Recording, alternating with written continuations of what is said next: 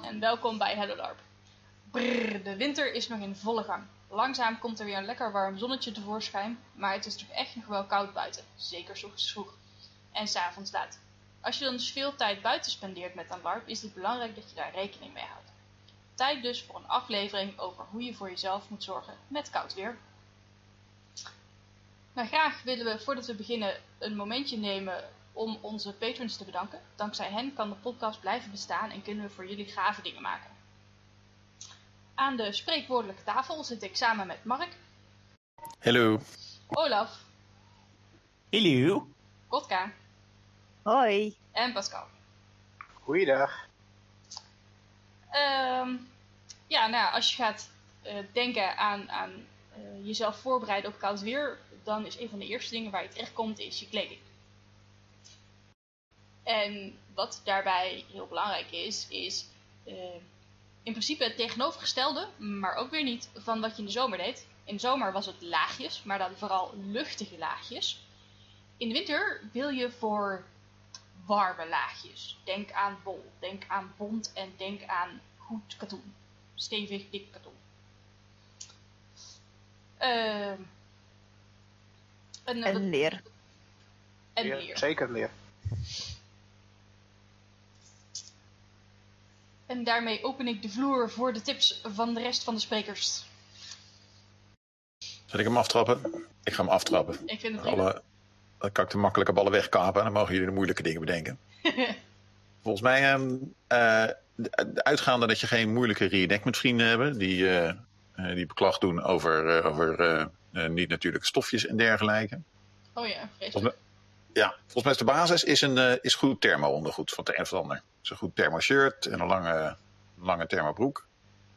Die hebben hier allemaal verschillende prijsklasses. Van eh, eh, 7 euro bij de HEMA tot eh, dingen die duurder zijn dan mijn, eh, dan mijn racefiets.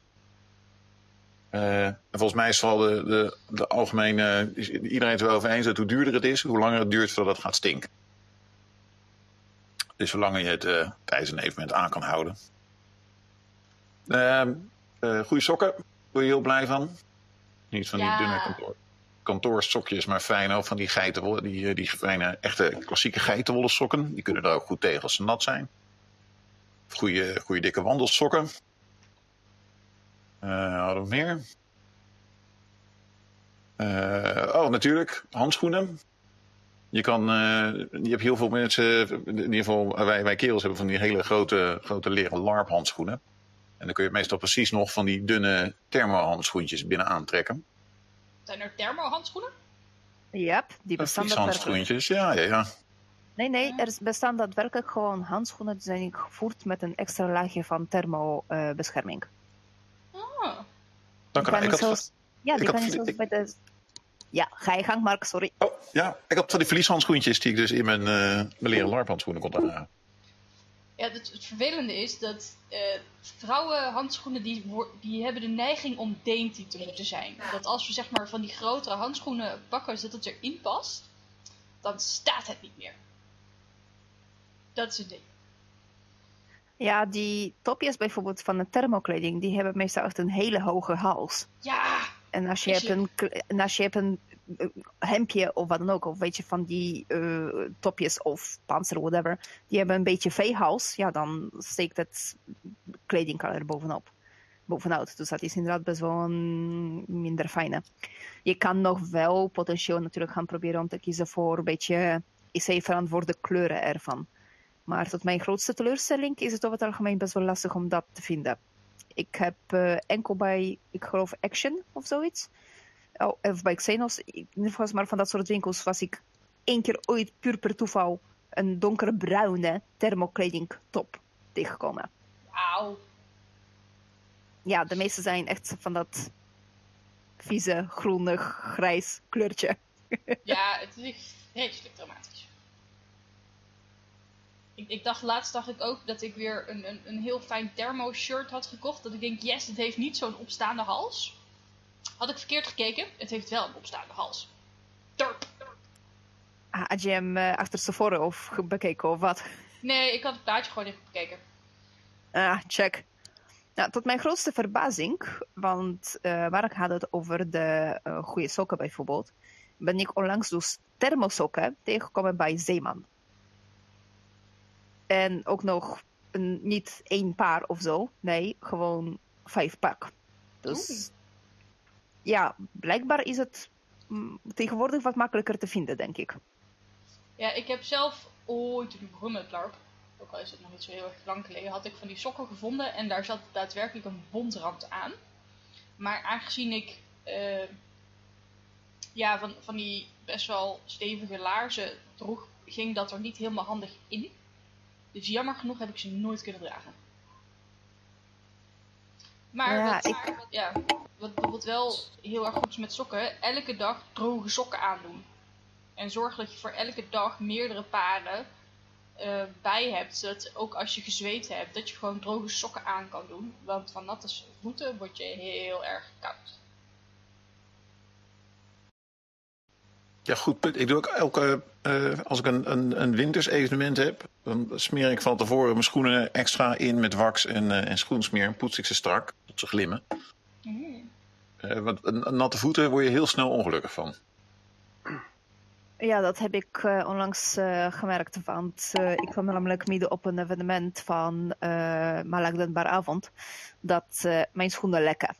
Oh. En ja, ik heb nog wel het voordeel dat dit is waarschijnlijk nog makkelijk te repareren, omdat ze lekken aan de voorkant, dus bij mijn tenen.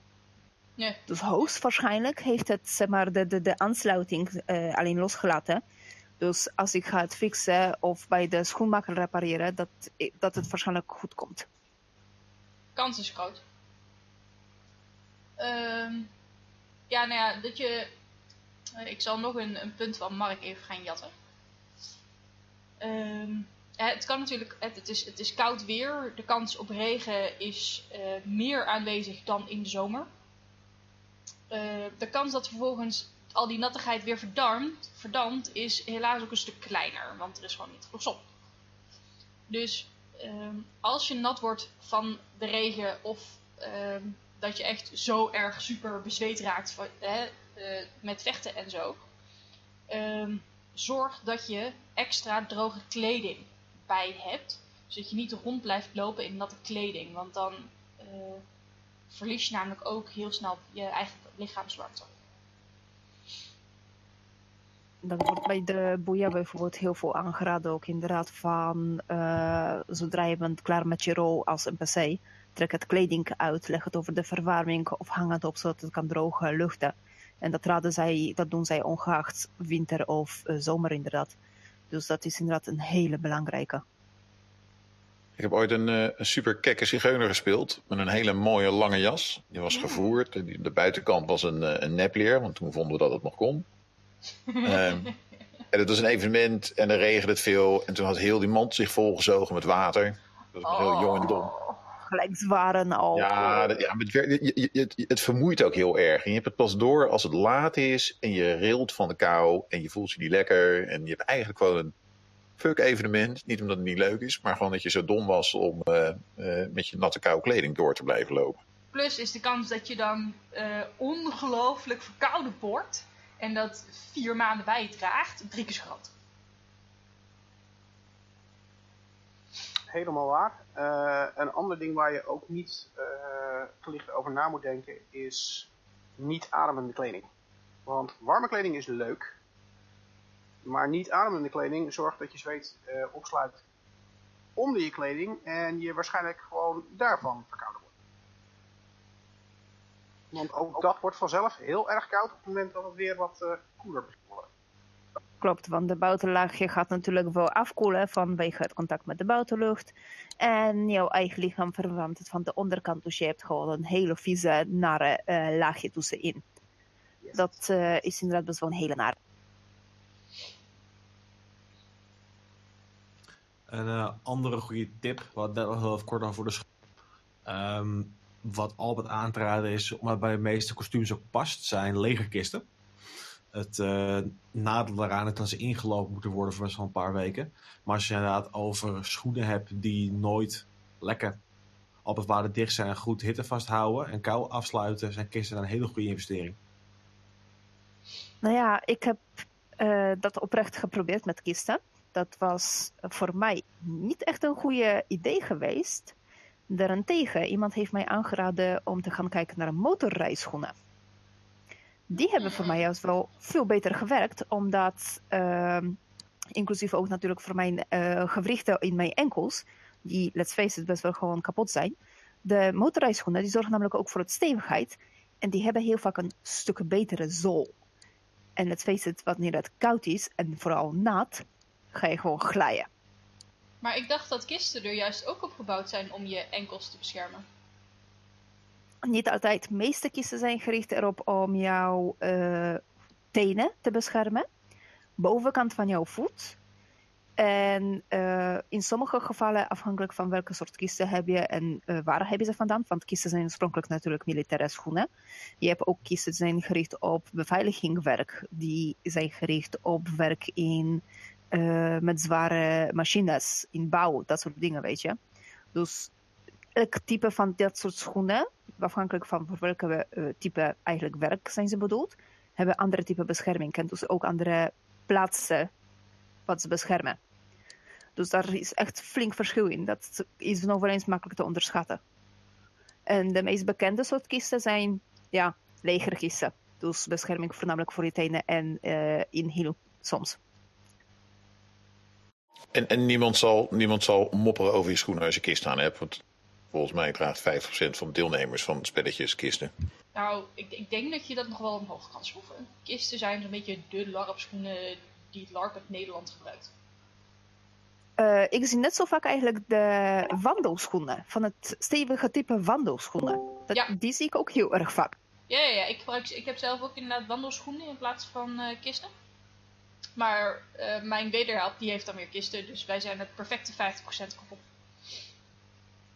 Ehm, hebben we verder nog tips en trucs wat betreft kleding? oh, daar heb ik wel eigenlijk een leuke. Uh, als NPC zijnde op uh, Boeia moest ik een keertje een rol van een uh, hoogpriesteres gaan vertolken.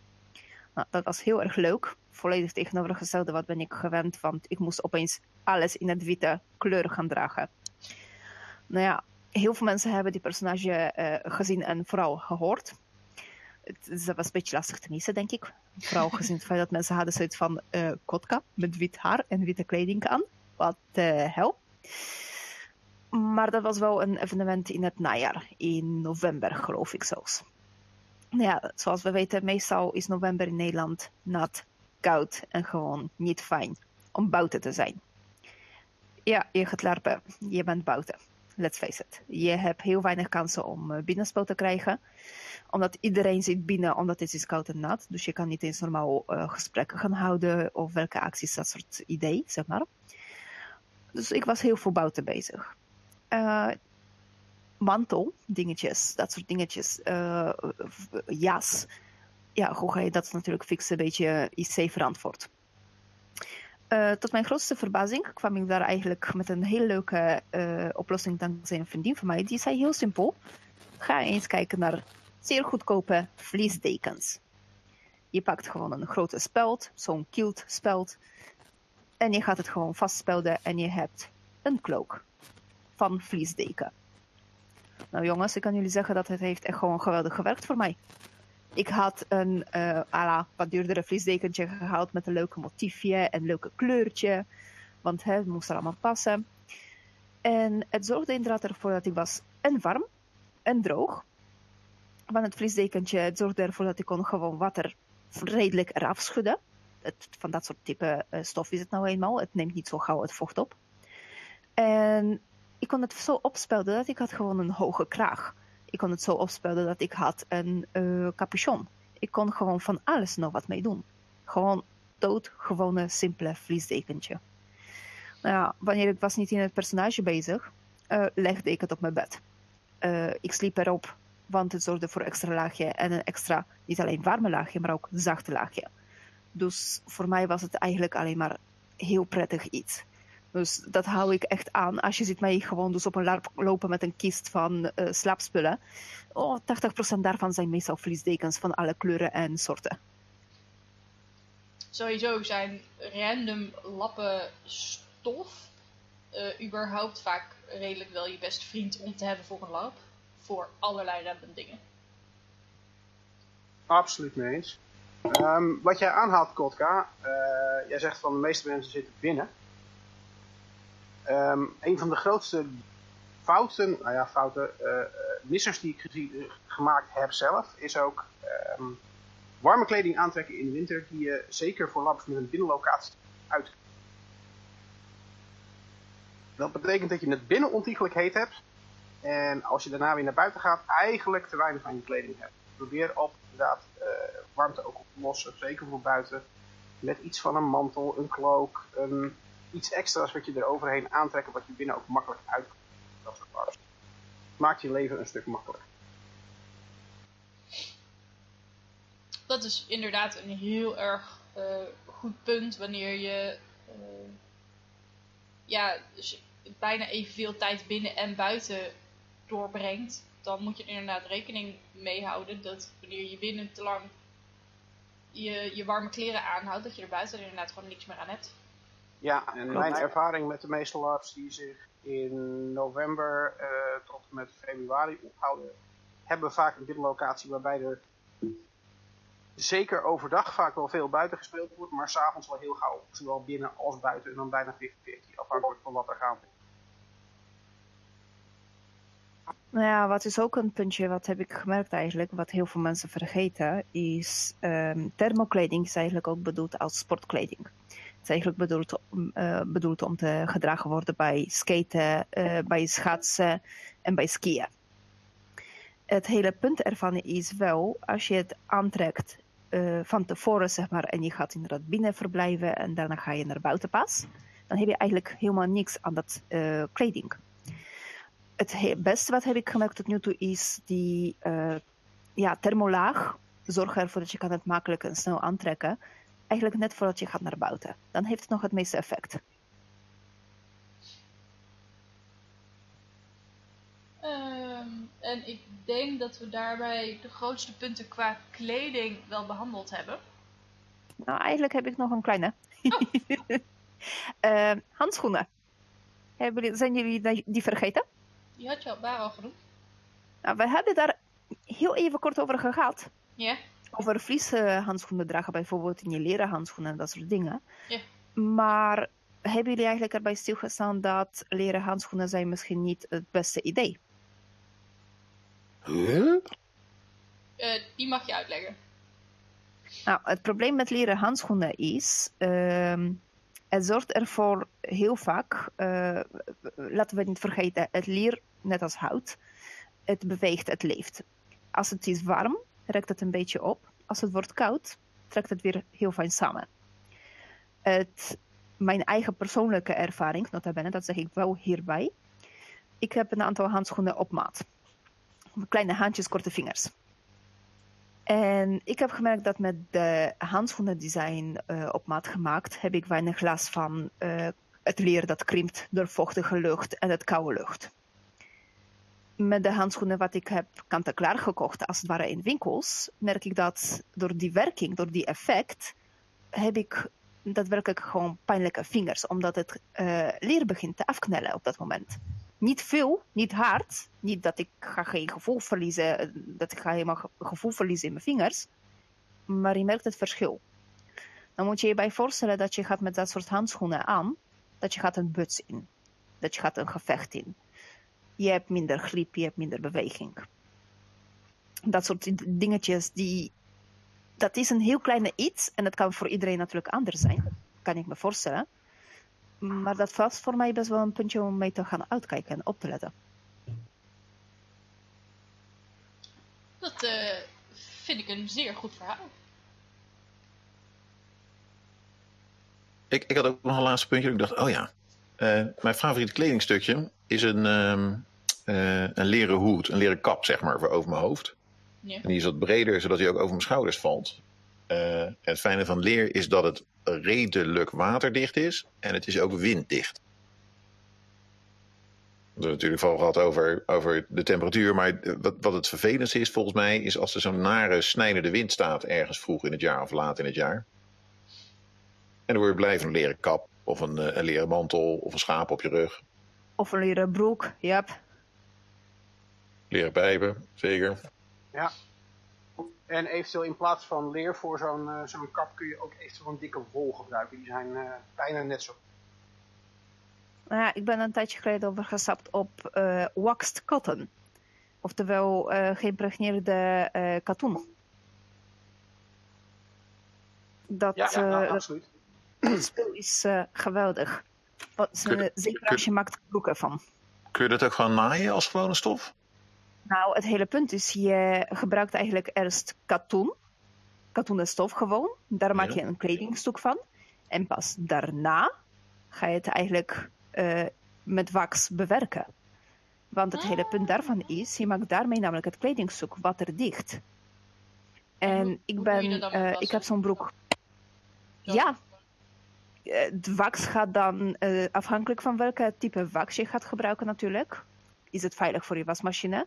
Want als je gaat eh, het wassen op 40 of 30 graden, dan heeft jouw wax er weinig last van. Ja, gaat een beetje laagje van af. En eh, wat ik doe, ik was het gewoon op een normale temperatuur. Twee, drie, vier keer. Na vierde, vijfde keer wassen, breng gewoon een nieuwe laag aan wax in. En dat aanbrengen daarvan is ook ontiegelijk makkelijk. Want je kan het gewoon in eh, brokken kopen. Ja, een beetje van zo- zo'n vierkante brok om het te gebruiken. Ik ben zelf grote liefhebber van eh, producten uit eh, gemaakt door natuurlijke middelen. Dus bijen, olijf, dat soort dingen. Je smeert gewoon dat kledingstuk mee in. En vervolgens leg je het of in het zonnetje. Of je gaat met een haardroger op een hele hoge hete stand eroverheen. En klaar is je kledingstuk. Ja, en dat soort waterproofing heb je ook. Je hebt ook van die spray waterproofing voor schoenen en jassen. Klopt, En ook die inderdaad. kun je voor dat soort toepa- toepassing gebruiken. Klopt. En die raad ik ook aan, bijvoorbeeld zeker voor dingen zoals een eh blouseje of een, een, een jasje of eh sjaal, zeg maar, dat soort dingen. Ja, Voor je, buiten, je buitenste grotere- laagstkleding. Klopt. Voor de grotere stukken, zeg maar, zoals jouw broek of schoenen, raad ik echt die waxblokken aan. En een mantel? Een waxblok. Vanwege Als je, hem, als je ze kunt waksen, als ze niet te waksen zijn, zou je ze moeten sprayen. Ja, klopt, want dat verschilt ook nog per materiaal wat het, eh, waar het van gemaakt is. Eh, als het is een wollen mantel, ga het niet waksen. En dan ga nee, het en niet ga die ook niet sprayen. Nee, dat wol is al van zichzelf eigenlijk waterafstotend. Ja. En inderdaad, iemand maakt een hele goede punt. Jeske maakt, eh, een van onze luisteraars en meedenkers, eh, maakt een hele grote goede punt. Eh, bij kleding testen op allergieën en eventueel het werking van wax en dat soort dingen op, op jouzelf. Want misschien zonder dat je het weet, ben je allergisch op het wax of op het spray.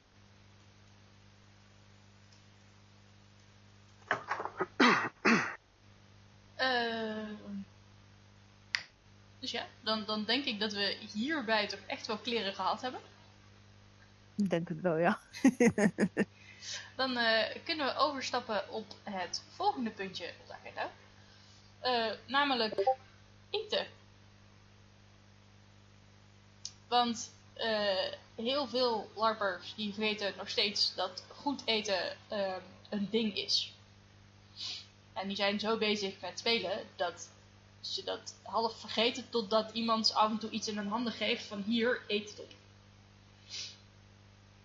Dat, dat werkt bij heel veel larpers ontzettend goed. Ehm, en zeker als je veel gaat verbranden, dat eh, zowel in de zomer als in de winter blijft die tip hetzelfde. Zorg dat je voldoende koolhydraten binnenkrijgt. Eh, in de winter zou ik zeker voor de warmte zou ik ook erg aanraden om gewoon te zorgen dat je echt eh, goed warm, eh, warm eet en eh, ook drinkt. En dat je eh, s'avonds kijkt of dat je wat stevige kost naar binnen kan werken. Als het een larp is die werkt met een kok, dan zal die daar ongetwijfeld zelf voor zorgen. Maar is het een, een larp zoals Vortex Adventures, waar dat je voor jezelf voor je eigen eten moet zorgen, dan is dat wel echt een tip die heel erg belangrijk is. Hè, dat je niet eh, alleen maar leeft op eh, broodjes, eh, frikandel of weet ik veel wat. Maar dat je ook echt eh, kijkt of dat je iets van een stampot of een andere goede stevige kost naar binnen kan krijgen. Ehm, wat natuurlijk ook erg belangrijk is daarbij is dat je regelmatig eet. Hè? ehm, ga niet ochtends één broodje doen en dan ergens rond een uur of zeven eens kijken voor avondeten. Kijk of dat je ook kan zorgen voor lunch, voor een tussendoor wat je bij hebt. De- dat soort eh, dingen. Nou ja, Eh, zeker in het winter, als je bent met een hele groep, kan je dat eh, zoals IC laten betrekking op eh, hebben natuurlijk. Ja. Want zeker als het in het spel ook winter is, dan eh IC in karakter ga je je gedrag ook daarop aanpassen, denk ik. Ik denk dat de meeste LARPs doen aan zoiets, zeg maar, van het seizoen wat het nu is, is het seizoen in het spel. Is het najaar, dan is het najaar en dat soort dingen. Dus ik denk dat dat best wel goed te doen is. ja, het, mijn- ja, het, het Ja? is een beetje lastig om te verkopen dat het zomer is als de sneeuw op de grond ligt. Precies. Nou Ja, je weet het nooit, hè. Misschien zit je aan een strand met het witte zand. hè, dat kan best wel. De, eerste beste persoon die komt dan aanrennen en in bikini gaat, denk ik, echt eh, in ziekenhuis belanden. Maar eh, wat mijn aanrader is wat betreft eigenlijk het eten, is eh, heel simpel. Soep. Je kan het makkelijk meenemen, want je kan het zelfs letterlijk van tevoren gaan voorbereiden thuis en in een glazen pot meenemen. Of je kan het kant-en-klaar in een blik kopen. En meestal kan je het makkelijk opwarmen ook. En het zorgt voor twee dingen. Het zorgt voor warmte, want je eet het wat langzamer, want het is meestal met soep het geval. Je krijgt vocht binnen, want hè, water zit veel in. En je gaat eten. En voor mij is soep een soort beetje wondermiddel geworden ondertussen, moet ik zeggen. Kotkaas, wondermiddel. Groente soep. Kotkaas. soep. Jee, komt er nog een ding. Niet alleen dat, maar vergeet niet dat drinken, zeker met koud weer, minstens net zo belangrijk is als eten. Want eh, ook al vriest het, je verliest een hele hoop vocht. Je verdampt het in dit geval niet door zweten, maar je, je vriesdroogt letterlijk en je droogt uit. Dus Klopt. drinken is absoluut een heel belangrijk ding. Ja, Klopt, inderdaad. En nou weet ik dat voor veel larpers, of een aantal larpers, dat ze overleven op koffie. Niet En- zo'n klein beetje ook. Schuldig. En, en, en, en zeker in de winter snap ik dat het echt super lekker warm is. Maar koffie trekt water uit je lichaam. Of in ieder geval vocht uit je lichaam. Eh, het zorgt er ook voor dat je eh, meer naar de wc gaat. Dus als je koffie drinkt om warm te blijven wakker te worden, helemaal prima. Maar zorg dan ook dat je ook voldoende water drinkt. Of ander vloeistof. Of mix het met inderdaad de meest andere voor, veel voorkomende warme vloeistof, thee. Inderdaad. Thee, Of chocomel. Bouillon, warme chocomel, ja. Ik denk dat eh, als we zouden zeg maar, eh, op LARPs in het winter eh, in plaats van zeg maar, koffie over de hele dag ook chocomel aangeboden krijgen. Ik denk dat best veel mensen zouden eigenlijk gaan kiezen voor de chocomel. zeg maar, ik, ik lust geen chocola, maar chocomel, ja, eh, yes please. Doe maar, grote kop. En ik denk dat het goed is om inderdaad, zoals eh Imke eerder al zei, eh, regelmatig eten en drinken is absoluut een, een, eh, een handig ding. Eh, probeer ook gewoon anders rustige momenten in het spel te gebruiken om even weer te gaan zitten, even op te warmen. Even wat, wat, wat eten en drinken naar binnen te gooien, al is het niet veel, maar eh, kleine beetjes helpen. En als we Eh, het over eten en drinken in het algemeen hebben, het is al eerder aangezegd, maar het kan niet vaak genoeg gezegd worden: drink genoeg water. Een, op een gemiddelde normale dag, dus eh, wakker worden, normaal naar je werk gaan thuiskomen, dan moet je 2 liter vocht drinken. Dat zijn eh 4,5 liter flesjes, vier van die spaarflesjes. En als jij gaat larpen, helemaal inderdaad als je thermokleding aan hebt, dan heb je echt 3, 3,5 liter vocht nodig. En eh, frisdrank en koffie werken daarin minder goed omdat bij de ene suiker en bij de andere cafeïne in zit. Dus inderdaad water of thee. En dan specifiek inderdaad groene thee. zijn daar verder het beste in. Maar onderschat niet hoeveel vocht je nodig hebt. Eigenlijk eh kruidenthee. Dat zou het beste werken, want daar zit namelijk geen eh cafeïne slash theïne. En eh, afhankelijk van welke kruiden je ook nog bij gaat kiezen, natuurlijk moet je daarbij gaan opletten, want hè, kruiden kunnen wisselwerking hebben met medicijnen, aandoeningen, noem maar op. Maar als je kiest voor het basis eh, thee, bijvoorbeeld met, laten we zeggen, eh, citroengras, gember, eh, zwarte peper, Interessant. dan heb je. Dat is een hele lekkere combi. Dat, heet, dat is serieus een thee wat je kan kant-en-klaar kopen. En daarmee krijg je gewoon insta opwarmende drankje. En dat thee bestaat serieus. Dat heet, ik weet het, gesoorde naam, gesoorde benoeming. Happy Monday. Niet slaan, jongens, niet mijn idee. Eh, maar dat thee bestaat daadwerkelijk. Ik heb het meerdere keren meegenomen van eh, naar LARPs. En mensen vonden het heel fijn, heel prettig, heel lekker. En het ging als, een, als warme broodjes. Want s'avonds, je, je raakt een beetje opgepept, namelijk door dat eh, geur van dat thee. Met het zwarte peper erbij zeker. En de citroengeurtje eraan, weet je, de citrus. En het is gewoon lekkere thee. Er zit geen eh, cafeïne bij, geen, theïne. Dus je gaat niet zeg maar, op de stofjes doordraaien. Je gaat puur op de geuren en de smaken eigenlijk af. En dat slaat aan. En ik vond het ook heel erg leuk, eh IC verantwoord. Want je hebt kruidenthee, hè? Eh, ik, ik hou even mijn commentaar over of dat het wel of niet lekkere thee is voor me. Want ik ben ongelooflijk moeite, moeilijk met smaken. Dat is een andere verhaal, weet je. Dat is gewoon puur voorkeur, letterlijk dat. Dat, inderdaad. Maar bijvoorbeeld, je zou eh, iemand die eh, eh, heeft moeite met dat soort smakencombinatie, zou bijvoorbeeld kunnen gaan kiezen voor gewoon eh, andere combinatie van thee, zoals een chai. Chai is ook een kruidenthee, dat is gebaseerd bijvoorbeeld op eh, zoet hout en dat soort type kruidensmaken. Dus dat combinaties heb je genoeg om vanuit te kiezen wat betreft kruidentheeën. Ja, ik heb zelf als ik eh, aan het larpen ben, heb ik inmiddels heb ik drie theetjes bij. Ik heb slaap lekker thee bij van Pickwick. Zeker s'avonds voordat ik dan eh, zeg maar naar de tent toe ga om te slapen of whatever. Dan drink ik daar een kop van om te helpen met in slaap vallen. Want er zitten allemaal leuke ontspannende kruidjes kruiden in. Eh, ik heb altijd standaard kamillethee bij. Eh, het is lekker warm eh, en het is eh, ontspannend. En ik heb bosvruchtenthee bij, omdat dat dus de enige ja, vruchtenthee is die ik te zuiver vind. De merk van dat thee overigens waar ik het over had, is van Clipper. Biologisch thee. Hmm. En ik heb even opgezocht, daar zit, dat is een infusie van citroen, gember en peper. Eh, we zullen het op de Hello LARP Facebook pagina zetten. Oeh, ja, dan heb ik nog een andere. Dan, dat, zeg maar, ik, die thee heb- was mij aangeraden ooit en dat is zelfs een chai-type. Dus misschien gaat die aanstaan ook. Wie weet. En die zetten we er dan bij. Precies. Ehm, nou, wat is, hè, je moet veel drinken hè, om, om je, je vochtregulatie op gang te houden en te zorgen dat je kunt blijven transpireren en te blijven doorlopen. Maar wat in de kou heel belangrijk is, is dat je niet koud gaat drinken of eh, in ieder geval niet ijskoud gaat drinken, want dan moet je lichaam eh, extra energie spenderen om het vervolgens weer op te warmen voordat het er iets mee kan doen.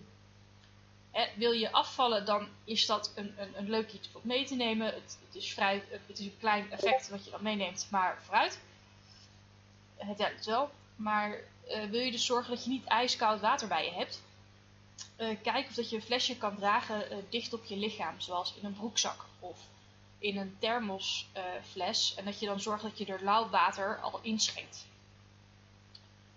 Ehm, maar daarnaast is thee eigenlijk je beste vriend.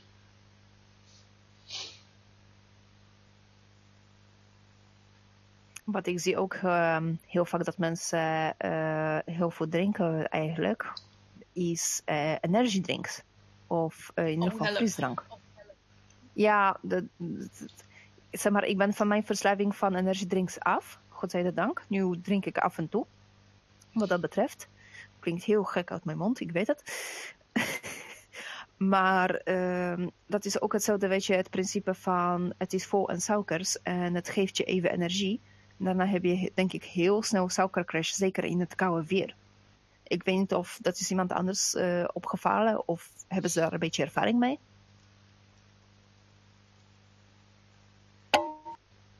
Nou, Ik heb eigenlijk eh, eh, niet zo'n eh verfijnde smaak. Eh, eh, vol- volgens mij is het, voor mij in ieder geval, is het om het even. Als je een koud weekend hebt, dan moet je gewoon continu door blijven vreten. Het maakt niet uit wat het is.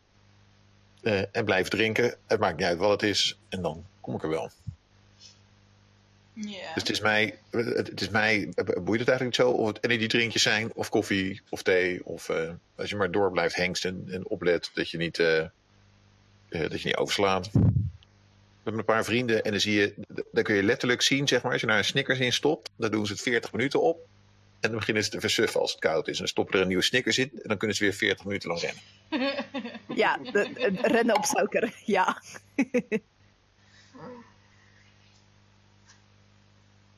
Ja, ik, ik weet het eh, zeker bij ons in het vikingkamp eh, dat eh energiedrank inderdaad gewoon echt een ding is.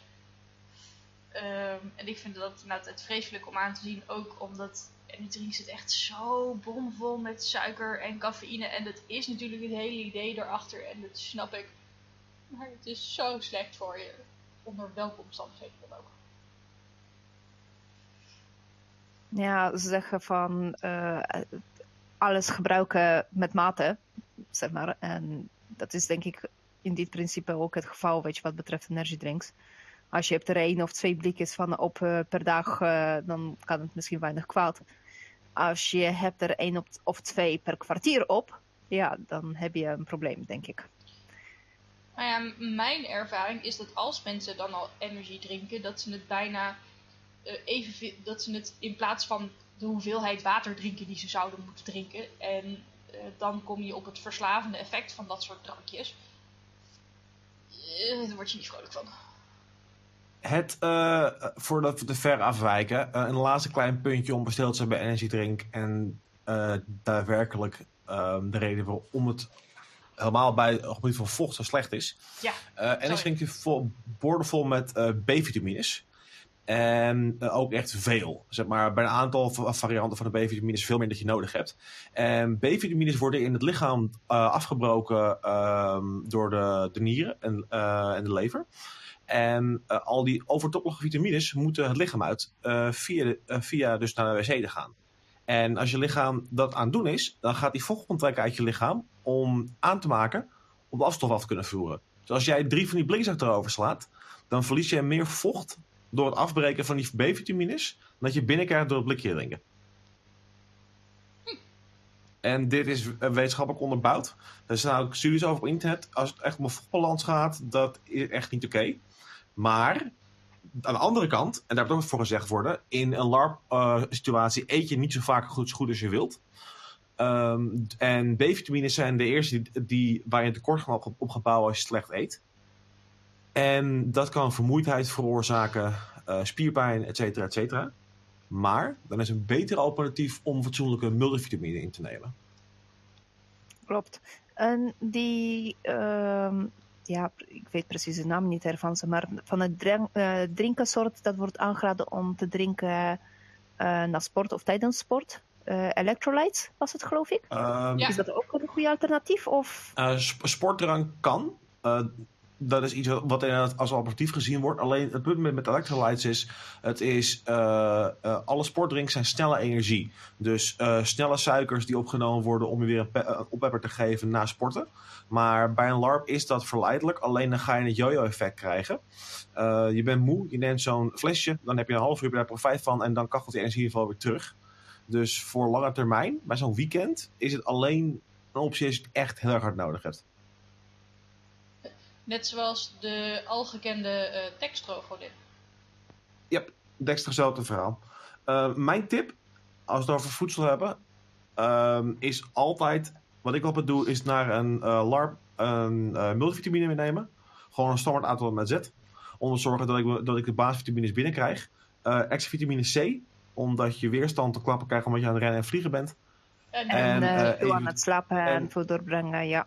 Heel goed. En als laatste, a- helemaal als je een, een vechtrol gaat spelen, extra magnesium. En dan specifiek eh, magnesium ehm, citraat. Dat is va- vaak in poedervorm. Dat kun je met water aanleggen en dan opdrinken.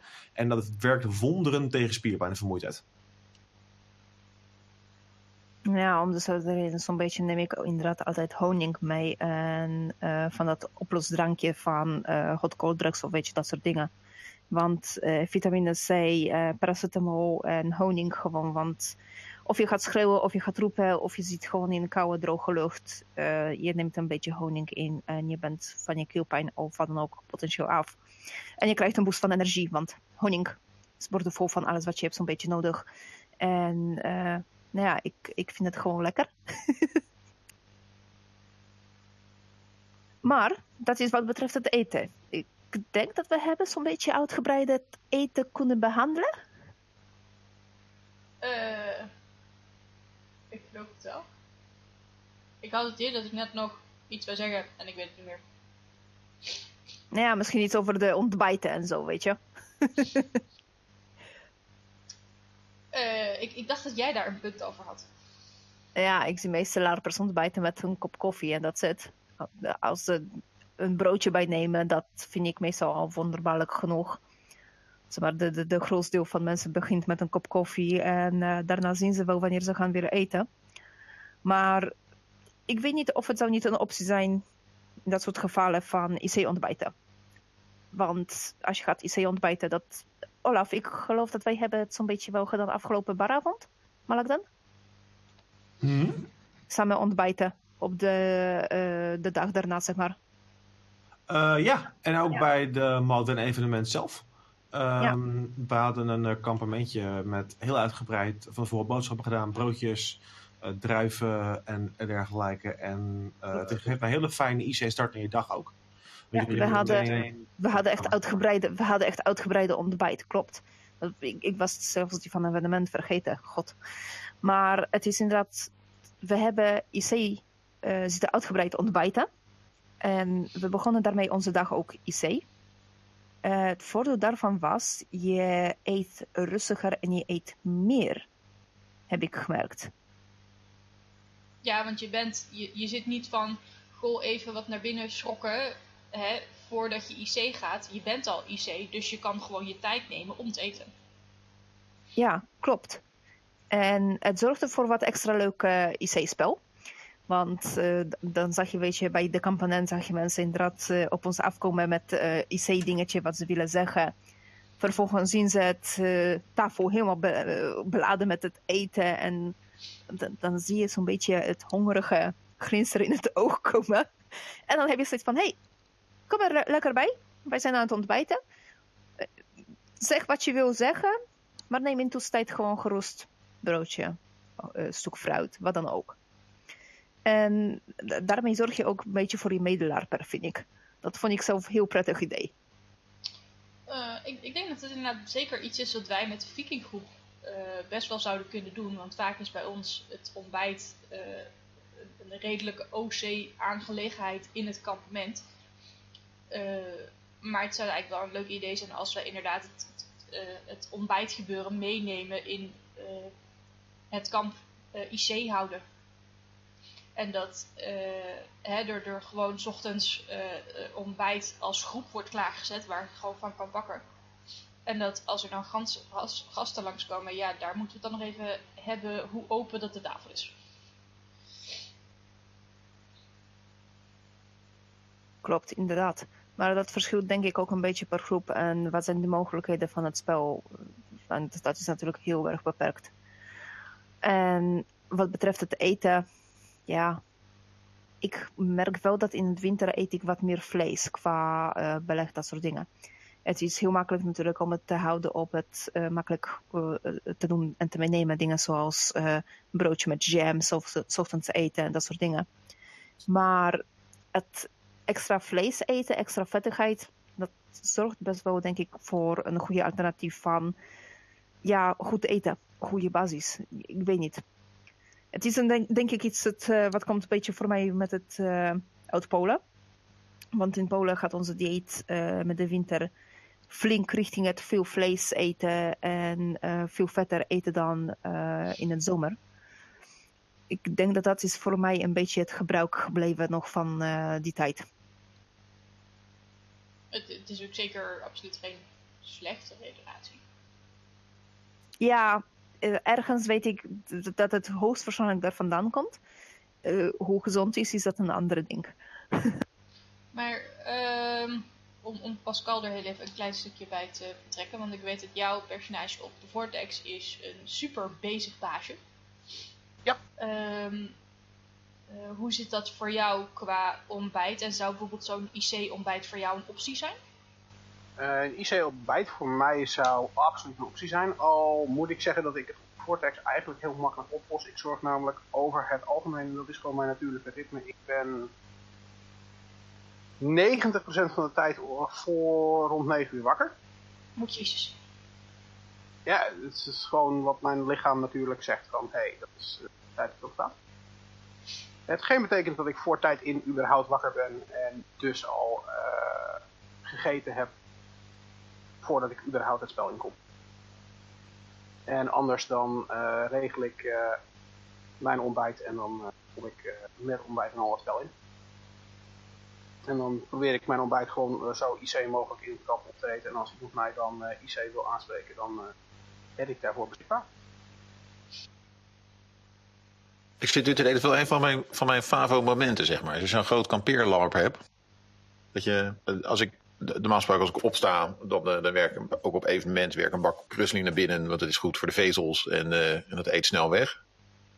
En dan denk ik, ga ik nu spel leiden, loop ik het veld op. En elke groep die is natuurlijk nog zijn eitjes aan het bakken. En zijn, de, de, de, je hebt een paar stiekemers die ochtends warme broodjes gaan halen.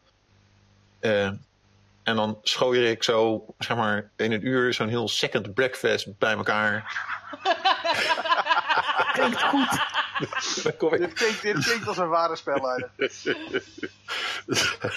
het vet van het ontbijt ben ik nog rond mijn mond. Kom ik weer aan bij de tent bij mijn vrouw. Die dan zegt, wat heb je gegeten? Ik had hem alleen een bakje krusli. Oké. Okay. Is er nog wat? ik had het alleen het bakje krusli. Ja, ja, en de rest. Ja, dat, dat is iets anders. De rest wordt gegeven. Ja, ja, ja, ja, ja, ja, Het klinkt wel als een heel goed ontbijt. Dat uh, moet ik eerlijk bekennen.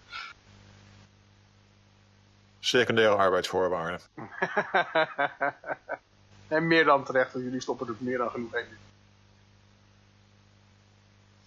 Um, wij krijgen van Jeske het verhaal te horen dat uh, zij met haar groep op de balance alles IC doen qua eten.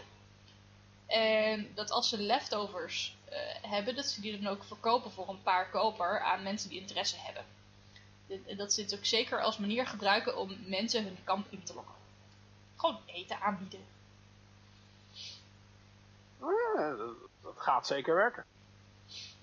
Ja, de, de, de vikingen zijn daar al geheel bekend van. Klopt, klopt. Vikingen, maar uh, op, op Vortex heb je ook een, uh, een groep genaamd Shadir. Die zijn er ook heel goed in. Ja. Al, ik meen ik, en nou hoop ik niet dat ik voor mijn hoofd gestoten ga worden, uh, dat uh, Lindy wel voor minder mensen uh, is gaan koken. En dat als je niet van tevoren bent ingeschreven, dat het niet altijd evenveel meer mogelijk is om nog aan te kunnen schuiven. Oh nee, dat, dat, dat ben ik helemaal met je eens. Dat klopt volgens mij ook wel. Uh, maar ik bedoel meer dat ze over het algemeen met te eten of iets te drinken heel makkelijk wel uh, mensen hun uh, kampen lokken. Ja. Ik bedoel, nee, je kunt bij Lindy waarschijnlijk inderdaad oningeschreven niet een volledige maaltijd krijgen. Maar er is bijna altijd wel iets te eten of te drinken. Ja, absoluut. Um, en, en voor handelaren, hè, we hebben een paar weken terug hebben we de handelaren behandeld, uh, is het natuurlijk ook een fantastische manier om uh, uh, mensen bij je te krijgen, interesse te wekken. kom voor het eten, blijf voor de gezelligheid en handel je geld weg. Dat is een, een slogan die voor elke handelaar handig is. Nou ja, zeker als je hebt wat behoefte zeg maar, aan eh IC-spel en je ruikt het heerlijke eten ergens gekookt worden, kan ik me heel goed voorstellen dat het gaat werken, ja. maar we hebben het over het eten en drinken, maar eh, ik denk dat we vergeten, nou ja, vergeten, dat we kunnen best wel gerust nu overgaan naar eigenlijk een, een beetje volgende punt. Alcohol. Ja, die hoort erbij. We weten het, we kennen het, iedereen drinkt op LARP zo'n beetje. Nou ja, iedereen drinkt, uh, niet iedereen per se drinkt alcohol. Eh, ja, klopt. Eh, En het is eigenlijk een beetje het, het- hetzelfde verhaal eh, als wat we hebben verteld met het eh, voor jezelf zorgen met warm weer. Eh, maar ik, ik vind het zo'n belangrijk punt dat ik dit opnieuw wil aanhalen. Eh, ook bij dit stuk. Ehm, ja, alcohol is ontzettend lekker. Het geeft je een goed gevoel. Het, het maakt de wereld wat gezelliger. Over het algemeen dan. Maar het verdooft ook je zintuigen. En bij koud weer kan dat ervoor zorgen dat jij op een gegeven moment niet meer echt door hebt dat je het koud hebt. En dan is eh, het ook moeilijker om te merken van goh, wanneer eh, moet ik ervoor zorgen dat ik eh, extra warmte krijg. Eh, daarnaast droogt alcohol ook uit. Dus moet je hè, daarna ook ervoor zorgen dat je voldoende ander drinken ernaast binnenkrijgt. En dat je ook goed moet eten om die alcohol op te nemen. Sowieso geldt over het algemeen de regel alcohol op, dan niet meer vechten. Eh, dus als je alcohol drinkt in de koude maanden, eh, let er dan ook op, eh, extra op, dat je goed warm blijft. Is mijn grootste tip. Nou ja, ik heb het nare ervaringen met drank ook meegemaakt. En er zijn best wel wat punten wat betreft drinken, zeker met het koude weer. Zoals je het inderdaad al zei, Imke, het verdooft je zintuigen en het eh, geeft je de illusie van geen koud hebben of eigenlijk geen koud voelen. Het eh verdoemt je bloed, je bloed gaat sneller stromen. Je koelt eigenlijk daardoor wel sneller af.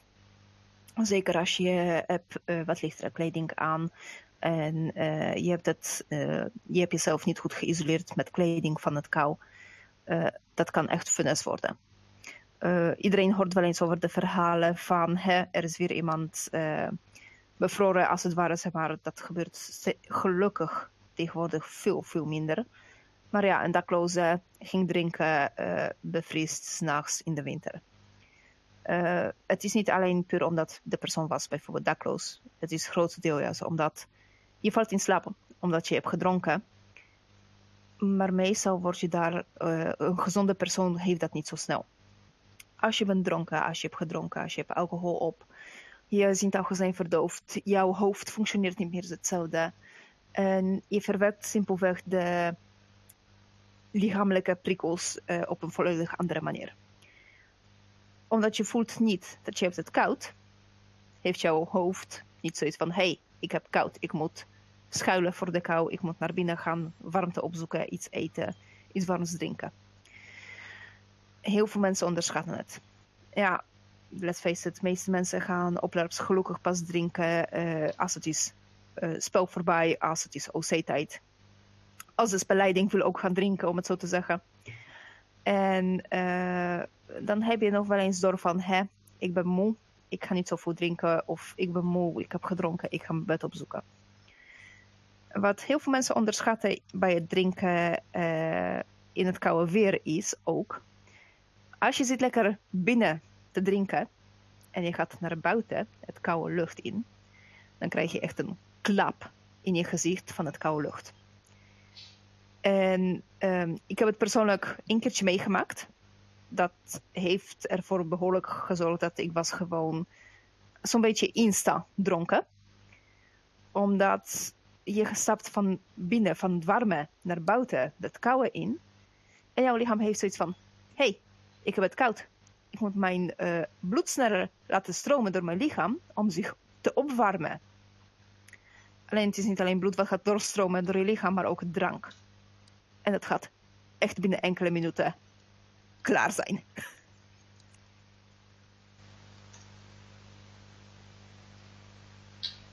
Ehm,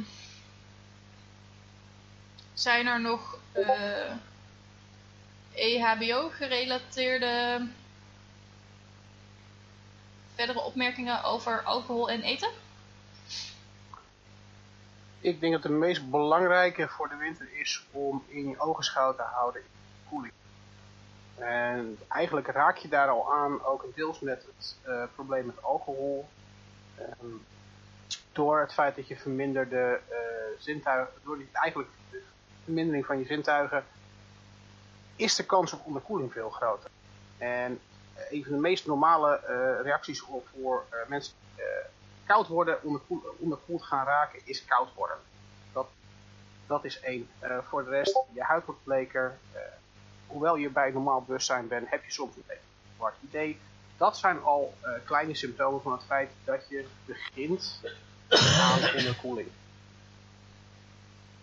Word je slaperig, worden je spieren stijf, dan zit je al veel verder en dan heb je echt al een groot probleem. Maar zodra je eigenlijk merkt, joh, ik ga eh, het koud hebben, ik ga klappertanden, wat dan ook. Doe iedereen een plezier, zoek alsjeblieft warmte op. Neem wat warms, eet wat, drink wat, zorg voor jezelf. Want het wordt voor niemand leuk als jij onderkoeld raakt. Ik heb het één keer meegemaakt op een LARP dat onderkoeld geraakt wordt. Er zijn, eh, ik meen, twee mensen anderhalf uur mee bezig geweest om deze persoon onder een douche te zetten en onder een douche weer warm te laten.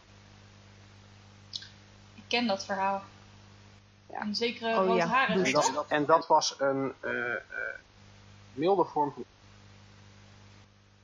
Nou ja, ik heb een milde vorm van eh, onderkoeling meegemaakt, inderdaad, met, een, eh, met de boeia als NPC zijnde. Want eh, ik moest een lijk gaan spelen. En eh, er werd gekozen oorspronkelijk om eigenlijk zeg maar, de lijken te liggen, laten liggen in het bos. Maar ik had al aangegeven van, hé hey jongens, het is wel november. Het is koud, koud, nat. Weet je, le- leg op zijn minst zo'n zo'n zo'n rode lap, deken, materiaal, whatever, weet je, dan heb je en het prop voor bloed, om het zo te zeggen. En dan kan ik wat prettiger gaan liggen. Nou, uiteindelijk werd daarvan afgeweken en eh, er kon een badkamer worden gebruikt. Hey, dat scheelt met het eh, opruimen van al het nepbloed wat eh, werd rondgespetterd. En ehm, ja, toen ging ik gewoon met make-up, met alle special effects, met al het nepbloed over mij heen liggen op het tegelvloer. Ik had het onderschat. ik geef het eerlijk toe. Ik heb daar een goede half uur, denk ik, gelegen in totaal. Eh, later stond ik op, ging zich omkleden, ging ergens zitten. En voordat ik het wist, was ik aan het inslaapkukkelen. En ik had het niet door wat er met me aan de hand was op dat moment. Totdat een goede vriend van mij heeft mij gezien. eh, dat ik was eigenlijk aan het strompelen ri- richting het slaapkamerstoel. Omdat ik had zoiets van, weet je, als ik ben toch al aan in slaap vallen, ga ik wel slapen. Was ook na twaalf, eh, ik denk tegen één uur s'avonds, nachts al ondertussen zo toen. En eh, toen heeft een goede vriend van mij eh, mij als het ware onderschept. En die heeft vervolgens een goede uur met mij knuffelend, pratend om mij wakker te houden, gezeten tegen een verwarming aan. En hoogstwaarschijnlijk, geef ik eerlijk toe, heeft dat mij gered op dat moment. Ja, wat jij daar beschrijft is, is, is, een klassieke vorm van koelingsverschijnsel. Ja, achteraf gezien, weet je, achteraf gezien had ik ook zoiets van, ja, ik eh, had gewoon onderkoeling opgelopen. Maar wanneer je zit op dat moment in dat eh, onderkoeling, jouw hoofd werkt ook niet mee, heb ik gemerkt. Je hebt het niet door. Je hebt niet door dat je hebt onderkoeling, dat je hebt last. Je hebt gewoon het gevoel van, ik ben moe, ik heb een beetje spierpijn en ik ben slaperig. Dus ik ga naar bed. Dat was mijn hoofd. Dat was mijn idee. Ja, Nou, als je, dat, dat is echt heel duidelijk het principe van een, van een onderkoeling. En inderdaad, als je dit aan jezelf merkt, alsjeblieft, doe iedereen een lol. Ga, ga, daar, wat, ga daar wat aan doen en, en laat jezelf eventueel helpen. Want wat is eigenlijk het, eh, wat was het gevaar dat wanneer Kotka wel gewoon naar bed was geweest en gewoon was gewoon, ja, zeg maar in, in slaap was laten, echt laten vallen? Ehm, het, het, het, de enige gevaar wat je creëert op het moment dat ze ehm, nog verder, op het moment dat je in slaap valt, het kan goed gaan. Als jij opwarmt is er niks aan de hand, maar de kans dat je afkoelt is ook aanwezig. als jij nog verder afkoelt, dan in principe wat er gewoon gaat gebeuren, uh, de reden dat je namelijk verminderd bewust bent, slaperig bent, verstijfde spieren hebt, het feit dat eigenlijk al je vitale functies afnemen. Die zakken allemaal terug. Ja, ik heb even je de kunt, je symptomen kunt je bedenken wat er gebeurt op het moment dat dat alleen maar doorgaat. Dat houdt op een gegeven moment vanzelf gaat als. Ja, ik heb even de symptomen opgezocht inderdaad. En in principe, eh, op het moment dat als ik was naar bed gegaan, en eh, bij Boeia slapen wij dan binnen, dus je hebt al een verwarmde eh, plaats en je hebt een gewoon bed waar je op slaapt.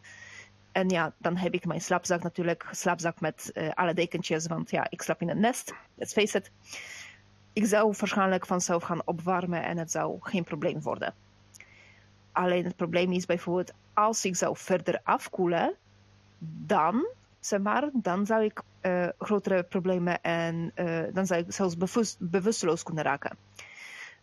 Het hangt namelijk van de temperatuur van jouw lichaam, want het gaat om de onderkoelingsverschijnselen beginnen in feite als jouw lichaamstemperatuur zakt naar 35 graden. Nou ja, mijn lichaamstemperatuur is al laag, want mijn standaard lichaamstemperatuur is 36 graden. De gemiddelde mens heeft een lichaamstemperatuur van 36,5 à 37 graden. Dat is een gemiddelde. Dus die van mij is al lager. Bij 35 graden krijg je last van desoriëntatie, verwaardheid en ver- verlaagde hartslag.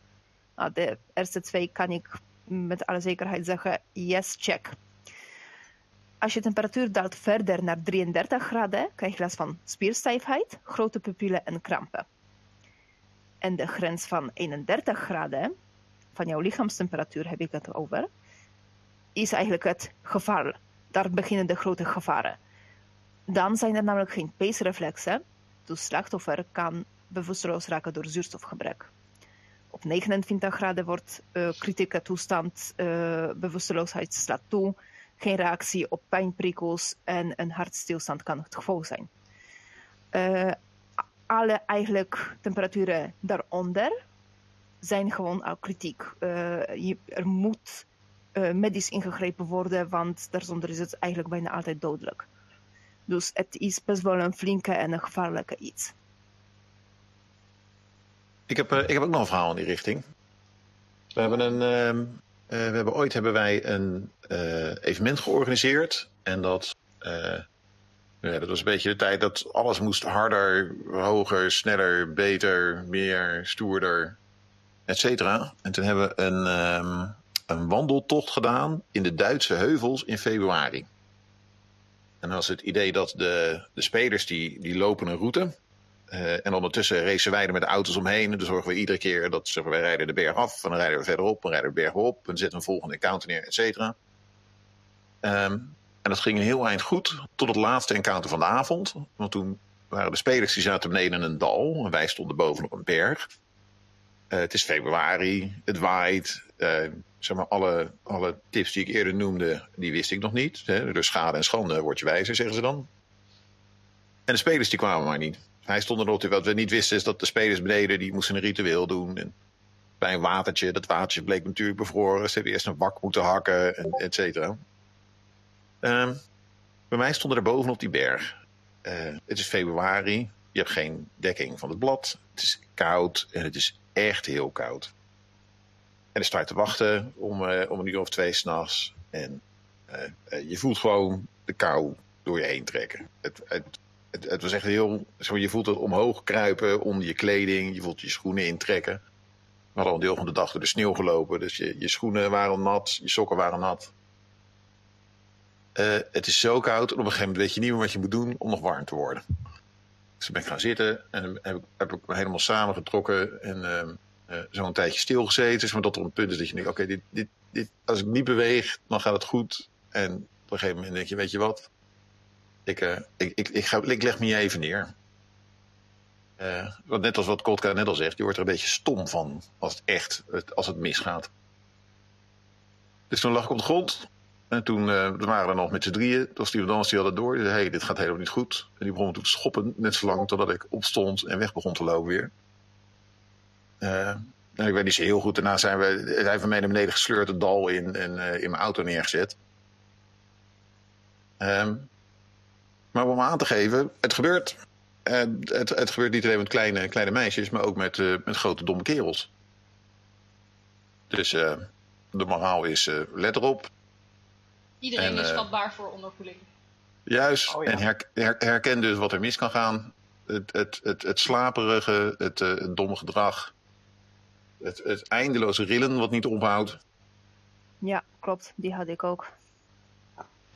En, en vooral ook, denk ik net zo belangrijk, is eh, let op je medelarpen. Als je dit soort verschijnselen ziet, trek liever eerder aan de bel en trek het spel uit eh, met alle goede bedoelingen van dien. Eh, want het, het verder laten gaan maakt het voor iedereen alleen maar erger. Ja, die jongen die me overeind heeft geschopt, die, eh, die ben ik daar nog steeds dankbaar voor. Ja, dat ken ik inderdaad. Dat, eh, mm, die vriend van mij die heeft mij toen eh, warm gehouden en vooral wakker gehouden. Eh, ja, let's face it, die heeft mij echt enorm geholpen. Die heeft mij toen gewoon gered.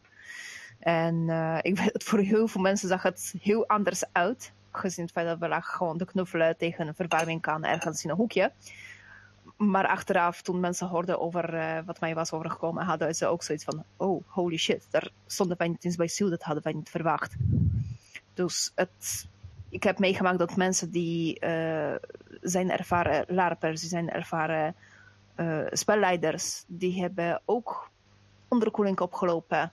Omdat eh, het heen en weer rennen, het heen en weer rennen, net te licht misschien aangekleed geweest en opeens zakken ze in elkaar zo'n beetje. Dan, dan, dan schrik je best wel ook soms. Twee andere kenmerken van dat het eigenlijk te koud was om, eh, eh, om in februari een LARP in de Duitse heuvels te organiseren. Was dat bij één jongen, die, is, eh, diabetes, die heeft diabetes 1 en die heeft zo'n zo'n pompje. Dat was eh, zijn pomp was bevroren.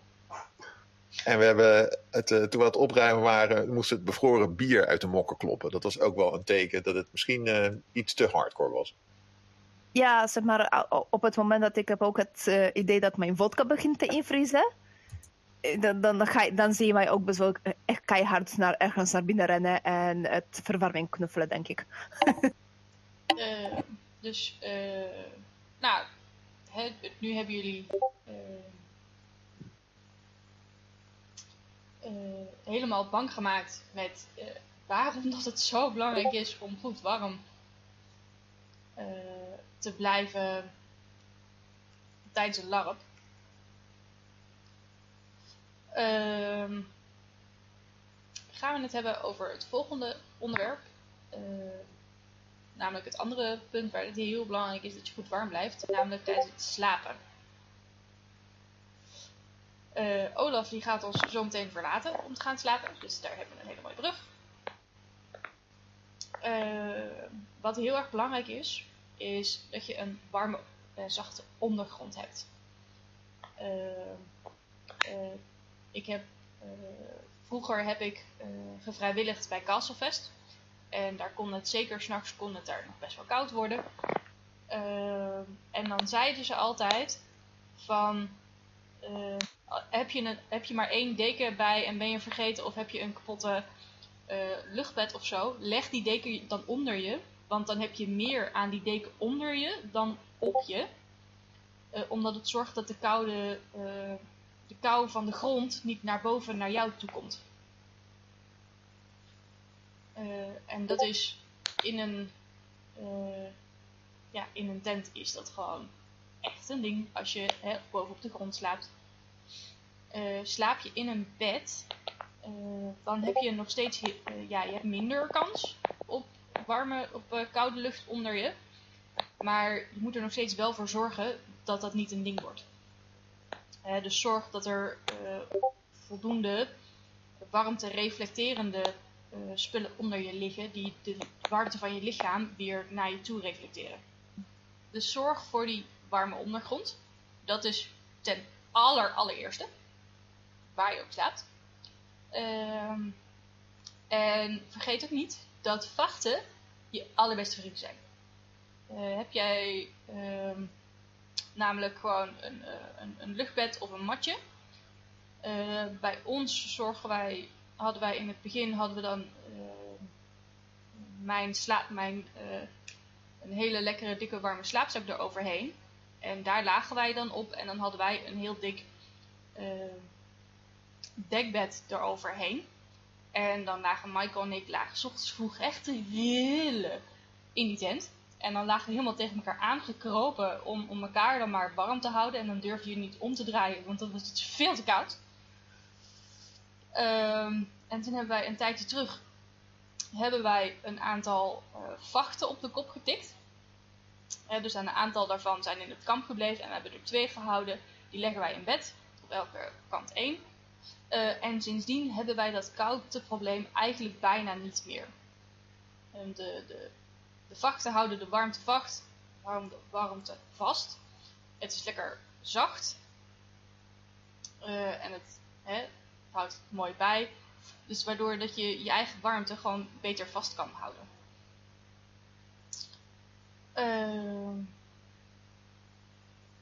uh, ja, vliesdekens zijn er ook echt je een goede vriend bij.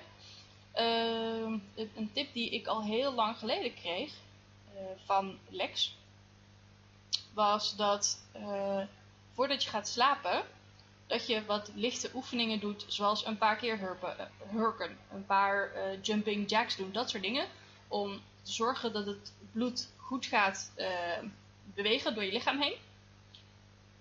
Dan warmt je lichaam, is zichzelf daarmee bezig om op te warmen. En als je dan gaat slapen, dan blijf je heel de nacht warm. Want als je gaat slapen, dan, ja, dan stopt je het lichaam. Oh, woorden zijn moeilijk. dan stopt je lichaam in principe gewoon met het. Dan, dan gaat je lichaam gewoon op een slaapstandje. Let's face it. dan, dan gaat je lichaam, die, die, die zakt in stilte en uh, je bloed dan ook. En dan heeft het lichaam moeite met zichzelf warm te houden. Doe je voordat je gaat slapen wat bewegingen, dan is dat bloed rond en dan uh, blijft het zichzelf warm houden terwijl je gaat slapen. En dan heb je dat koudprobleem ook eigenlijk niet meer. Je kan ook vals spelen en een, een hand van die, uh, van die klikkers in je, in je slaapzak gooien, heet dat? heatpacks, die, uh, ja, ja. die houtdingen. Handwarmers. Handwarmers, ja. Absoluut. Imke, jij noemde, nou, je noemde al een kruik. Ik uh, ben geen voorstander van kruiken en jij weet misschien inmiddels waarom. ja, dat ja. en het voordeel van die, uh, van die handwarmers, die klikkers zoals Mark noemt, dat zijn van, inderdaad van die gelpacks waar zo'n uh, metalen dingetje in zit, die lekt niet. Nou, dat is niet helemaal waar minder snel. Die wil ik geven. De heatpacks zijn ook best wel gevaarlijk qua hitte wat ze genereren. Het probleem met uh, die kleine heatpacks is alleen dat ze meestal genereren niet genoeg warmte om uh, bijvoorbeeld in een slaapzak of op een uh, bed iemand warm te houden of op te warmen. het beste heatpacks wat ik heb gebruikt van best wel professionele niveau, zeg maar, die heb ik gebruikt in tijden van mijn werk in buitendienst. Die werkten op zijn hoogst 30 minuten lang. En dan waren ze dusdanig warm dat ik stopte er gewoon één per schoen daarbinnen en in mijn handschoenen. En daardoor kon ik normaal goed bewegen en voorgaan zelfs in een sneeuwstorm. Alleen na die half uur kreeg ik het koud. Ja, maar dat is genoeg om in slaap te komen in een slaapzak. Hoop ik. Ja, maar het probleem is dan dat je lichaam zichzelf niet gaat. Tenminste, dat, dat is mijn ervaring. Als ik uh, namelijk geen kruik gebruik, dan ben ik de andere dag uh, vaak warmer wakker dan wanneer ik daadwerkelijk wel kruiken gebruik, omdat je uh, het lichaam dan niet zelf het verwarmingsproces aanslaat. Is mijn ervaring. Ja, dat is, helemaal een, een, een, een waar punt. Ehm, al kan ik me heel goed voorstellen, en dat is wat ik het meeste zie, is dat mensen eventueel de packs gebruiken om van tevoren hun ehm, bed even op te warmen. Dus er gewoon één ingooien, even je bed opwarmen. En jezelf verder zorgen dat je jezelf verder inderdaad met bewegingen een beetje warm hebt. En dan heb je dat probleem niet. Nou ja, ik ben dan bijvoorbeeld wel een type van persoon die zonder haar kruik gewoon niet kan. En uh, dan heb ik het probleem ook nog natuurlijk met uh, moeite in slaap vallen. Ik heb wel gemerkt inderdaad, uh, het, eerder het kruik leggen in je bed of in je slaapzak, dan daadwerkelijk ze maar erin kruipen en dan pas leggen, maakt wel een verschil vergeleken daarmee. Het verwarmen eigenlijk van jouw slaapplaats, daar gaat het om. En het grote verschil is wel natuurlijk wat voor uh, kruik je gebruikt. Jullie hebben slechte ervaringen met kruiken met heet water. Uh, all points granted. Dat kan gevaarlijk zijn inderdaad. ik ben overgegaan op dat hittepiet dingetjes. En die werken fantastisch, ook vanwege het simpele feit dat dat kan ik veilig leggen, ook bijvoorbeeld onder mijn nek. Dus het stukje wat eigenlijk zit een beetje vast qua spieren, na een hele dag doorbrengen in het kou op te warmen en daardoor dus makkelijker bijvoorbeeld kunnen slapen en zich niet verbranden. Nou ja, we hebben natuurlijk uh, net gehad over de ja, kruiken, uh, slaapzakken. Uh, overigens, ik heb zelf ervaring met slapen in slaapzak en onder zo'n dekbed, wat jij het bijvoorbeeld ook over had ik heb gemerkt dat een slaapzak werkt perfect als je slaapt in afwisselende omgeving. Zeker als je hebt nog zeg maar, zo'n zo'n mummie-type van een slaapzak. En die welke is zo'n type, inclusief nog een vliesdeken in het type van, dat trek je letterlijk over je slaapzak heen. Dat, dat, was prima oplossing. Uh, het slapen onder de dekbedden heeft om een of andere reden niet zo mijn voorkeur. Ik heb het een paar keer gedaan op Ravenskip. En zolang ik sliep met iemand zeg maar, erbij, onder dat dekbed, gaat prima. In mijn eentje, oh, dat was niet te oud houden. Ik moest gewoon echt serieus mijn slaapzak ook erbij uh, gewoon hebben. In het slaapzak slapen onder die dekbed. Dat, uh, ik weet niet, volgens mij ligt het echt meer aan mij dan aan andere dingen, meer te zijn. Nou, ik, ik merk het ook hoor, want uh, normaal gesproken liggen Michael en ik echt met z'n tweeën inderdaad aan van die matjes die aan elkaar gemaakt zijn. En dan liggen we inderdaad echt gewoon onder dat dekbed. En dan ben ik degene die hem opwarmt en dat is helemaal prima. Maar toen wij bij Boeia waren, uh, was ik toch echt wel degene inderdaad met de slaapzak. Omdat je dan gewoon veel beter je eigen lichaamswarmte kan reguleren. Ja, want het is bij de voeten is het dicht, je bent alleen maar bezig met je eigen warmte. ja, eigenlijk ja, weer terugkaatsen naar jezelf. En uh, je hoeft de rest van het ding helemaal niet op te warmen. Want het wordt rondom je wordt het gewoon warm gemaakt. Terwijl als je onder een, een dekbed ligt, dan zit je met voeten die koud kunnen worden. En dan is het wel fijn als er een tweede warmtebron in principe uh, bij je is. Klopt. Nou ja, ik uh, slaap op larven sowieso gewoon met uh, of een pyjama broek, zeg maar, van dat vliesachtige of ja, gewoon dikkere pyjama. En zeker sokken aan. Want fuck dat shit. Sokken aan, slapen. Gaat goed. Ja, absoluut. Sokken aan tijdens het slapen. Dat was echt mijn meest briljante ingeving ooit. Pascal, Mark, hebben jullie ervaring wat betreft het slapen op LARP, maar in koude uh, tijden? Ik ben een warme slaper, dus ik heb er niet zo'n last van. ik moet je daar echo, Mark. ja. Makkelijk ja, ik, ik kan me wel heb... makkelijk voorstellen dat je bijvoorbeeld ervaring mee weet je wanneer uh, je slaapt ergens binnen en iedereen heeft zo koud dat de verwarming gaat ho standje uh, welkom in hel dat je hebt daar best wel misschien last van uh, nee over het algemeen weet ik redelijk mijn, mijn lichaamswarmte wel te reguleren wat dat betreft ik heb meer moeite met slapen zomers in een snikhete tent dan uh, winters in de kou dus doe, doe mij alsjeblieft liever min 5 dan plus 25. Ik heb, eh, ehm, eh, eh, als, het, als het koud is, dan slaap ik met een mutsje op. Dat werkt heel fijn. Ja, met, je- met jouw kop snap ik dat heel erg goed. Oh, dankjewel. Dankjewel. dat was geen compliment. En ehm, eh, ja, inderdaad, als het echt... Maar dat, nou ja, dat, ik kan me eigenlijk niet meer herinneren wanneer dat voor het laatst was. Inderdaad, sokken aan. Ik heb duur thermo-ondergoed. eh, wat ik gewoon aanhoud. Dus ik heb een, eh, een, een, een- ja, feitelijk een lange onderbroek en een, een shirt met lange mouwen.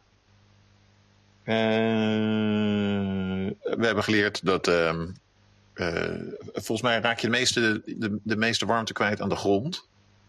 Ehm, dus we hebben een, een hoe noemen we dat, zo'n eh, zo'n opblaasbed met eh katoen eromheen, en vakjes erin. En daaronder leggen we dan nog een deken, zodat hij een klein beetje van de grond afkomt, dat de lucht niet gaat circuleren. En volgens mij heb ik daarmee onze slaapervaring nog samengevat. En nou, ja, ik zei, ik ben een warm slaper, ik heb er niet van last van. Maar ondanks al die voorzorgsmaatregelen ligt ernaast nog steeds een grote hoop dekens met een, een eh, eh, ja, mijn vrouw die ligt er dan rillend onder. Daar hebben we nog niet helemaal een oplossing voor. Ja, misschien zou dan zo'n slaapzak, zeg maar, zo'n zo'n eh, min 10 tot min eh, 25 eh, slaapzak een optie voor haar zijn. Die kan je halen bijvoorbeeld bij die survival outside winkels. Ik vind dat En, echt vreselijke dingen. Nou, ik heb zo'n matje en ik heb zo'n slaapzak. En ik moet zeggen, het, eh, ja, het is een flinke investering. Maar ik merk het verschil wel degelijk. Zeker het matje, dat maakt echt een flink verschil. Wat voor, dat is gewoon zo'n klassiek schuimermatje of is dat mooiers? Nee, dat is iets mooiers. Dat is juist een. eh, ik ben de naam van de specifieke merk kwijt. Dat is namelijk aan mij eh een keertje doorgegeven door de toenmalige hoofdspelleider van eh Ravenskeep.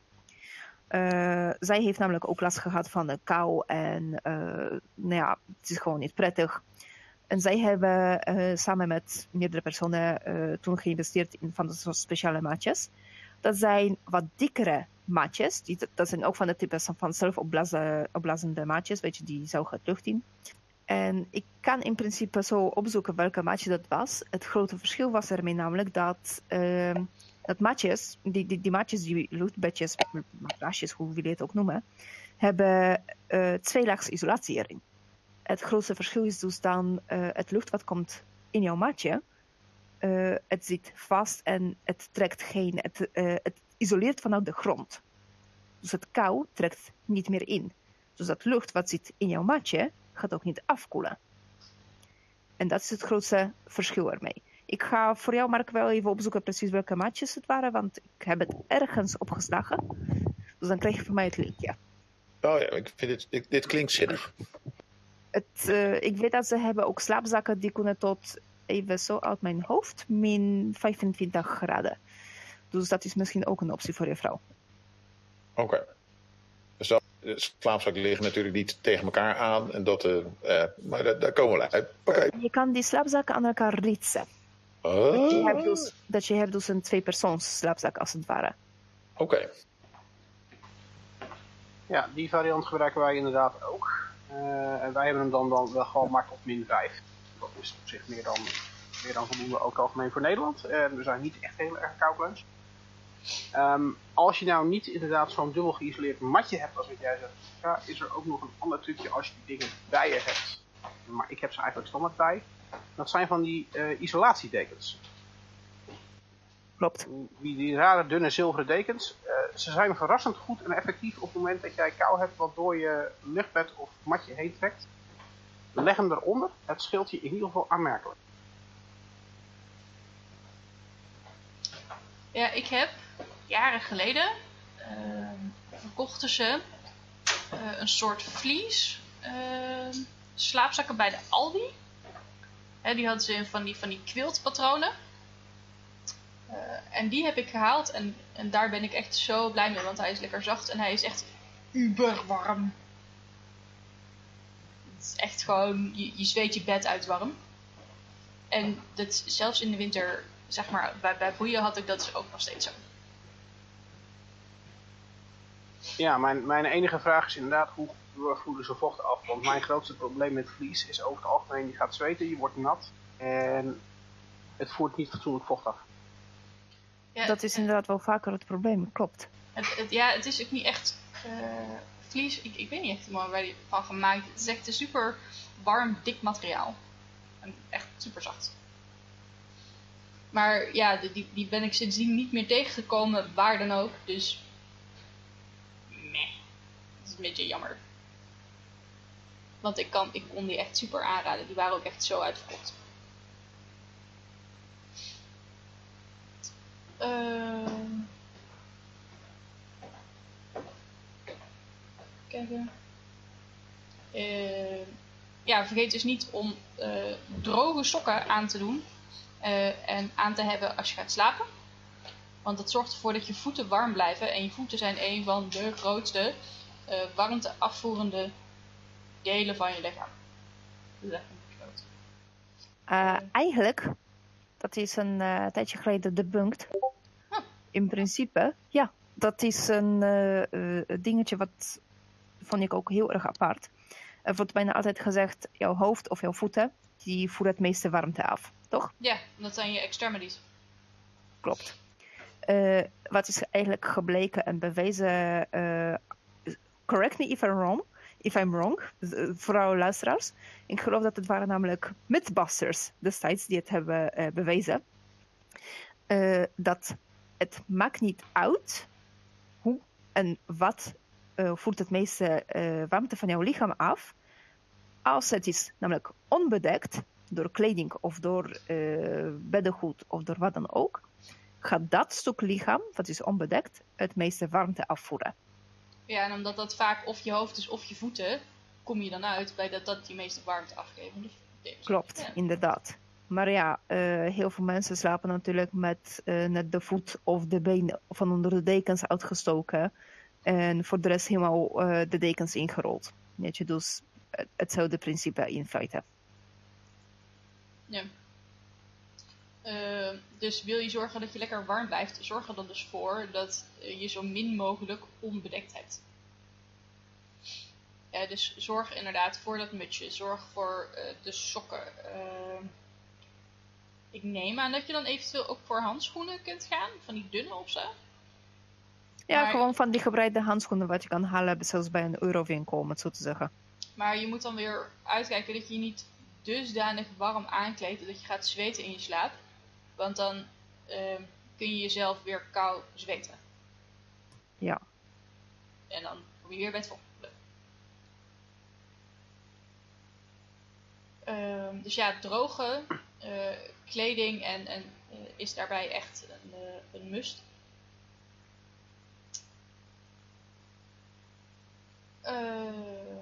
We gaan een beetje opschieten, want we zitten al een beetje aan de tijd.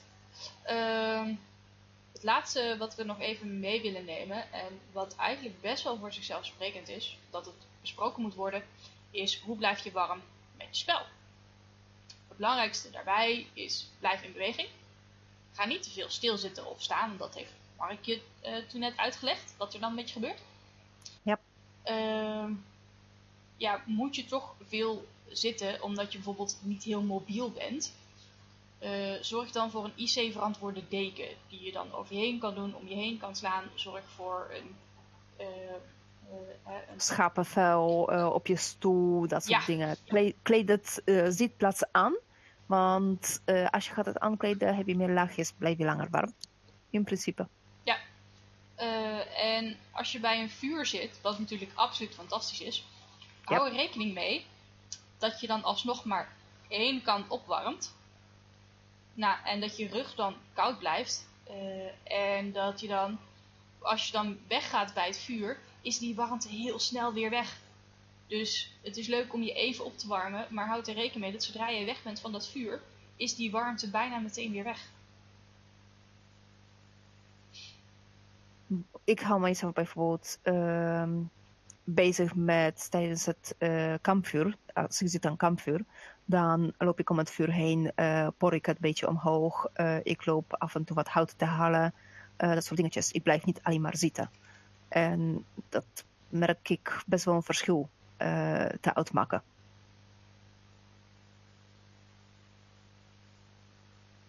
Ehm, Olaf die gaf ons nog de tip mee voordat wij weg moest gaan. dat het bij koud weer eh, simpel en effectieve methode is om voordat je begint, ehm, zorg dat je gaat eh, rekken en strekken en dat je een warming-up doet eh, voordat je aan de slag gaat. Eh, hiermee voorkom je blessures en pijnlijke spieren en zorg je dat je lichaam op gang komt Hè, dat het weer warmte gaat produceren, dat het dingen gaat doen. En dan heb je veel meer kans dat je door de dag heen ook gewoon warm blijft, omdat het bezig blijft. Eh, En ik denk dat het hem zo'n beetje was eigenlijk. Want ja, dat strekken, eh stretchen inderdaad, een beetje bewegen voordat je gaat IC.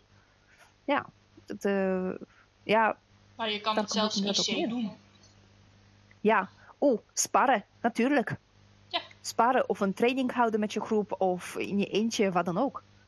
Daar kan je zelfs nog mensen bij betrekken. Dat is een goeie. Ik weet, nou, ik weet dat ze bij, als ik het me goed heb, was dat Cubon.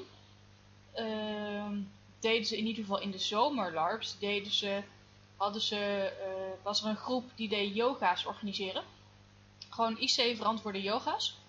Eh, nou is dat in de winter minder een ding. Eh, maar dat soort praktijken zijn daar wel heel erg geschikt voor. Gewoon even, hè, zolang je zorgt dat je niet gaat liggen op de koude grond ehm, zijn er naar mijn idee prima yoga houdingen die jij kan doen om te rekken en te strekken. eh, en je lichaam wat, warm en soepel te houden. eh, die je gewoon eh, staand kan doen, of in ieder geval deelstaand kan doen, zonder dat je in contact komt en blijft met de koude ondergrond. Maar dan moet je daar wel rekening mee houden. Eh, zijn er nog miscellaneous tips die niet passen bij de andere stukken? Nou ja, ik zit me nog zo'n beetje te bedenken. Uh, we hebben het over eten gehad, over het drinken gehad, het uh, juiste manier van aankleden. Uh, ja, het uh, onderkoelingverschijnselen, dat is best wel belangrijk natuurlijk. Oh ja, ik had het natuurlijk een gevalletje gehad van baravond onlangs. Voor het eerst ooit heen, dat soort dingen. Uh, het was niet bekend van tevoren bij mij uh, over het slaapinrichting uh, en dat soort dingen. Wat bleek achteraf letterlijk een zaal te zijn en that's it. Dus geen bedden of wat dan ook. toen had ik aangekaart bij de Orga dat omdat ik moet gaan reizen met het OV, of ze konden de informatie erover versturen. Nou, heeft Olaf voor mij geregeld toen dat iemand van de Orga had voor mij een veldbed meegenomen het is dus eigenlijk in principe soms misschien handig, zeker met het koude weer, om dat te aankaarten als je iets hebt wat jouw lichaam laat gewoon minder goed werken. Uh, ook al is het een kleine iets uh, bij Orga, want misschien kunnen zij iets voor jou betekenen. En wees daar niet bang voor, heel simpel gezegd. Het bedanken kan heel simpel zijn met een flesje lekkere drank of uh, lekkere eten of een uh, brownie mee te nemen, om het zo te zeggen. Maar mensen willen best wel elkaar helpen. En dat is ook iets wat zie ik heel fijn en heel graag bij het larmwereld juist.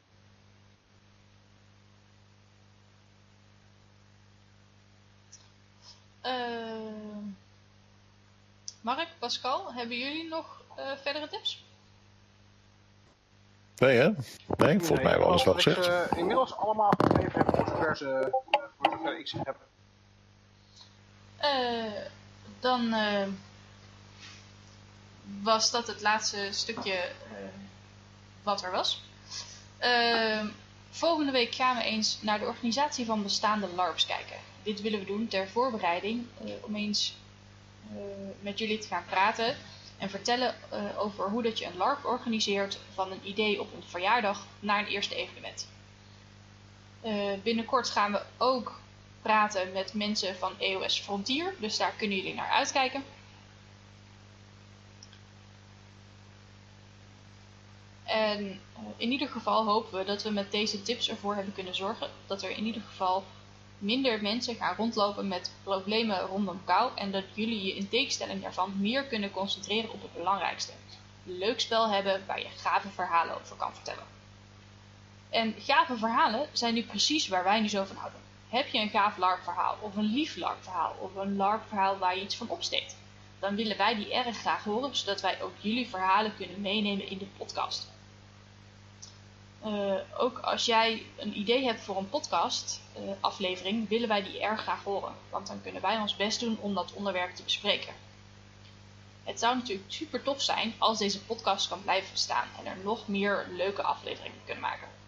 Als jij dat ook vindt, uh, vinden wij het heel erg tof als jij bijvoorbeeld deze podcast kan delen met je vrienden. En zorgen dat de podcast meer bekend komt bij andere mensen. Uh, maar denk er bijvoorbeeld ook eens aan een eenmalige donatie te doen of om Patreon te worden.